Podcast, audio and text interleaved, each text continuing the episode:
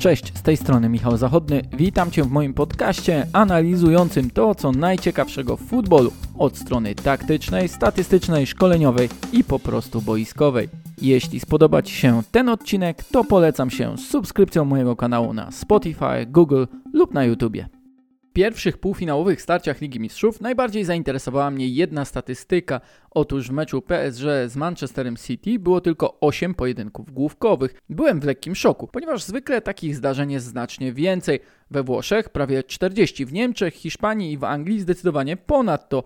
Obserwując jak drużyny Mauricio Pochettino i Pepa Guardioli starają się krótko rozgrywać swoje akcje i nie podnosić piłki, zacząłem się zastanawiać, czy w tej statystyce znajduje się sugestia kolejnego etapu rozwoju futbolu. Etapu, a może po prostu sposobu na rozwiązanie problemów, które od kilku lat stawiał wysoki pressing. Musimy cofnąć się do 2018 roku, gdy zatwierdzono, że auty bramkowe będą mogły być wykonywane wewnątrz pola karnego.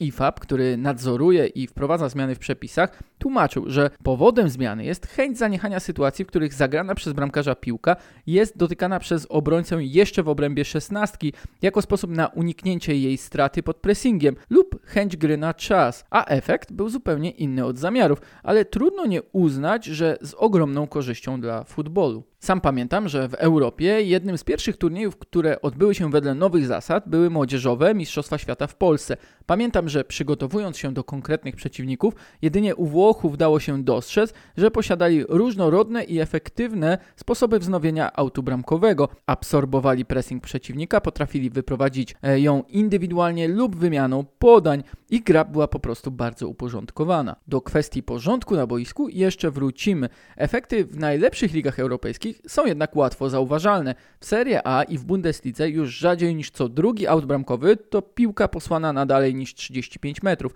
W Anglii z niemal 80% długich wybić drużyny zeszły w dwa lata na mniej niż 2 trzecie. O kilka lub kilkanaście punktów procentowych spadły wyniki w Hiszpanii oraz we Francji.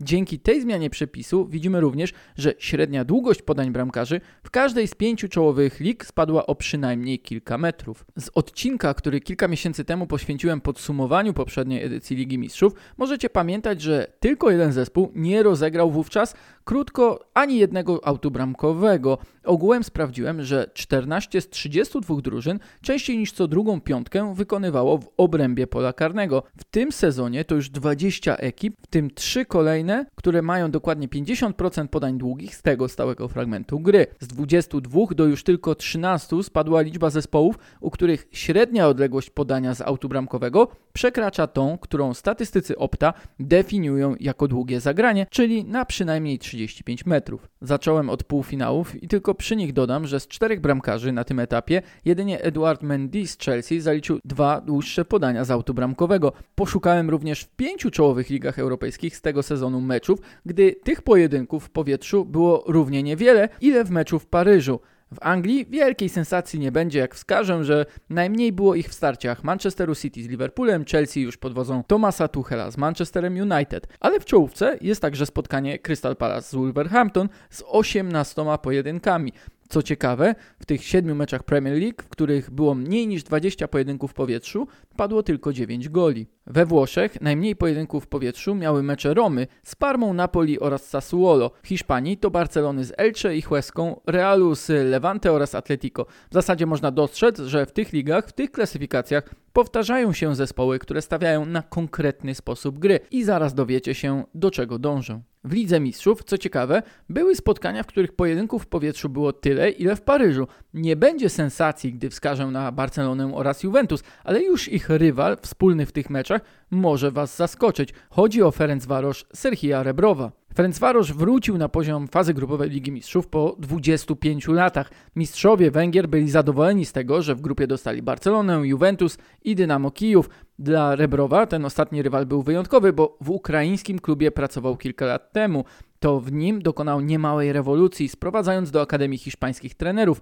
a jeden z nich, 33-letni Alberto Boss, pracuje z nim również na Węgrzech. Rebrow wskazuje w wywiadach na różne inspiracje, ale zdarzało mu się jeździć na staże i do Pepa Guardioli, i do Jurgena Kloppa.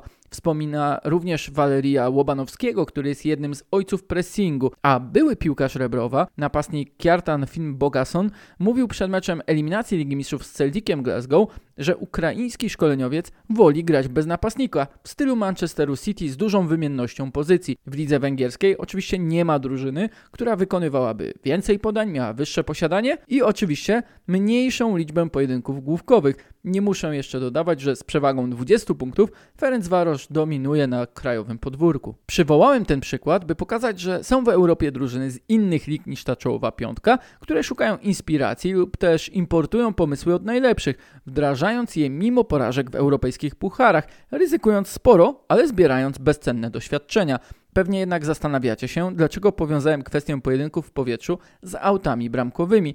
Jest to całkiem logiczne. Skoro częściej gra się krótko, to rzadziej walczy się o górne podania. Jest też mniej drugich piłek i potwierdzają to statystyki na przestrzeni ostatnich czterech sezonów, dwóch przed i dwóch po wprowadzeniu zmian w przepisach dotyczących autu bramkowego. Pod względem podań górnych, które Opta definiuje jako piłki zagrane powyżej linii ramion, spadek jest znaczący. W samej Premier League zespół średnio wykonywał w sezonie 2017-18 aż 121 takich podań, najwięcej z czołowej piątki lig w Europie. Obecnie jest tych zagrań aż o 22 mniej, mniej też niż wynosi średnia w Bundeslidze oraz w lidze hiszpańskiej. Jeszcze 3 lata temu tylko we Francji zespoły zagrywały mniej niż 100 górnych podań w meczu. Teraz tylko w Niemczech i w Hiszpanii te wyniki są nieznacznie ponad 100, ale w La Lidze z sezonu na sezon ta statystyka spadła o prawie 8 zagrań. W dół poszły wyniki każdej z lig. To, co dzieje się w Anglii, jest niebywale interesujące. W sezonie 2017-18 w czołowej 20 klasyfikacji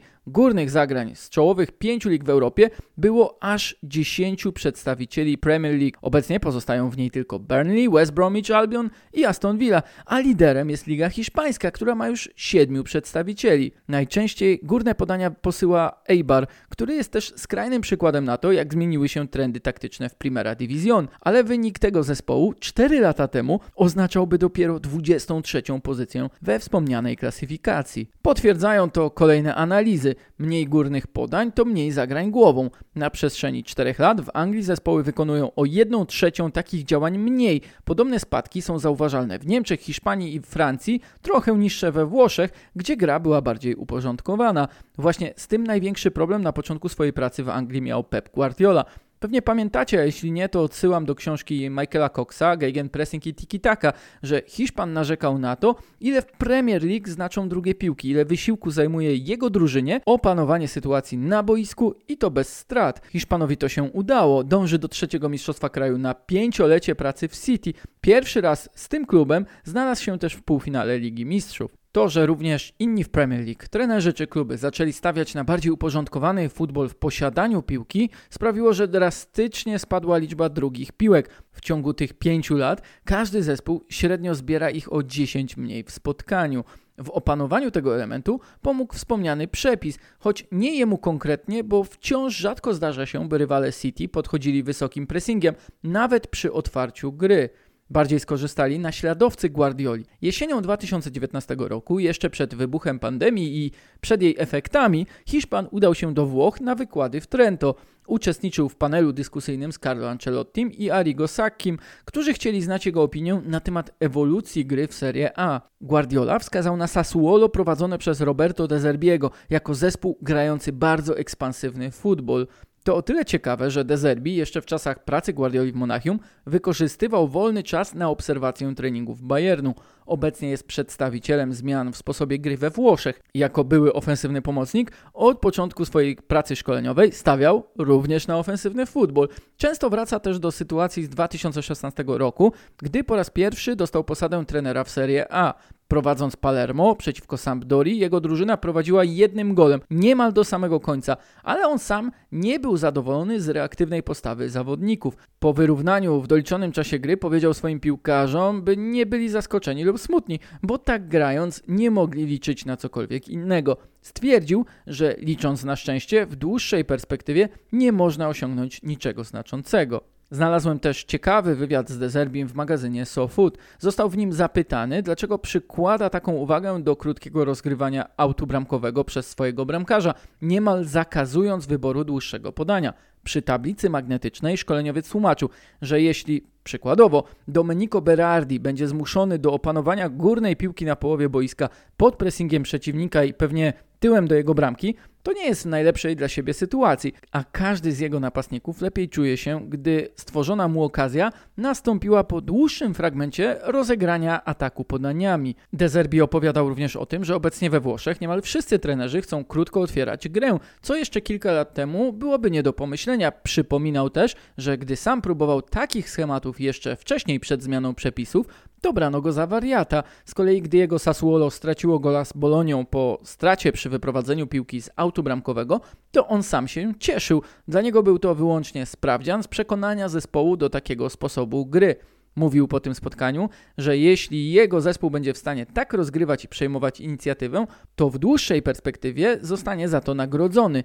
I jest, pomimo bardzo ograniczonego budżetu, prawdopodobnie zajmie po raz kolejny miejsce w czołowej ósemce Serie A. W kontekście Sassuolo i stylu gry tej drużyny warto wspomnieć o tym, co zauważa sam De Zerbi.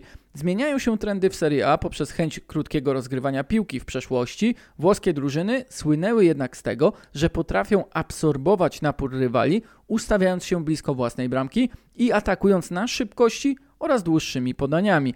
To była jednak kontrola przestrzeni, nie piłki. Dezerbi i zespoły grające w podobny sposób w całej Europie wybierają krótkie otwarcie gry i w innym sensie absorbują napór rywali, zapraszając ich do wysokiego pressingu. Mając schematy rozegrania i poruszania się, potrafią wyprowadzić wielopodaniowe akcje spod własnej bramki, w odpowiednim momencie przyspieszając i wykorzystując te same wolne przestrzenie, ale w inny sposób, nie tak bezpośredni i od początku kontrolując posiadanie piłki. Oto odpowiedź na dominację szkoły pressingu. Miniona dekada poprzez Mistrzostwo Świata reprezentacji Niemiec do promocji tamtejszych trenerów oraz piłkarzy i rozwój choćby kontrpressingu była odpowiedzią na dominację hiszpańskiego posiadania piłki. Z kolei tamten futbol kojarzył się z zamykaniem przeciwnika na jego połowie boiska, grą cierpliwą wokół pola karnego, aż do odpowiedniego momentu przyspieszenia. Poszukując odpowiedzi na kolejne wyzwanie, jakim są różne formy pressingu, trenerzy dostrzegli szansę właśnie w aucie bramkowym. Do zmian w przepisach ten stały fragment gry był raczej lekceważony. Obecnie nawet w warsztacie szkoleniowym odgrywa ogromną rolę w każdym z kierunków nauczania, czy wysokiego pressingu, czy wydostania się spod takiej obrony. A skoro trenerzy coraz częściej stawiają na szkolenie otwarcia gry od autu bramkowego, to nic dziwnego, że piłkarze stają się w tym elemencie coraz lepsi. Nie tylko omijając pressing, ale po prostu radząc sobie z utrzymaniem posiadania pod naporem przeciwnika. Obserwujemy również, że nie tylko bramkarze wykonują coraz krótsze podania, nie tylko jest mniej drugich piłek i pojedynków w powietrzu, ale też ciężar gry jest przeniesiony pod własną bramkę. Porównując obecny sezon do ostatniego przed zmianą przepisów, dostrzeżemy, że zespoły w pięciu czołowych ligach Europy wykonują od czterech do prawie ośmiu kontaktów z piłką więcej we własnym polu karnym. W strefie pod własną szesnastką ta różnica jest nawet bardziej znacząca. Trzy lata temu jedynie w Bundeslidze, właśnie ze względu na wysoki pressing i szybkość przenoszenia gry spod jednej do drugiej bramki, zespoły notowały przynajmniej 200 kontaktów z piłką właśnie w strefie obrony. Obecnie tylko Hiszpania pozostaje w tyle i poniżej tej liczby, gdy w Bundeslidze wzrosła ona o 22 kontakty, a w Anglii, Francji i we Włoszech przynajmniej o 10 na zespół. I nie jest to efekt tego, że globalnie tych zagrań piłkarze mają więcej. Dezerbi we wspomnianym wywiadzie powiedział również, że w futbolu nie da się nic nowego wymyśleć, ale może on nadal przechodzić ewolucję i rozwijać się pod względem taktycznym, fizycznym i intensywności gry. Jako punkt odniesienia dla swojej idei wymienił Pepa Guardiolę, a z kolei jako czynnik pchający tę dyscyplinę do przodu już konkretnie wskazał właśnie na auty bramkowe. To połączenie ciekawe i nieoczywiste, takie jakich szukać lubimy, ale może właśnie dają podpowiedź, gdzie szukać dalszej drogi i kolejnych trendów w światowym futbolu.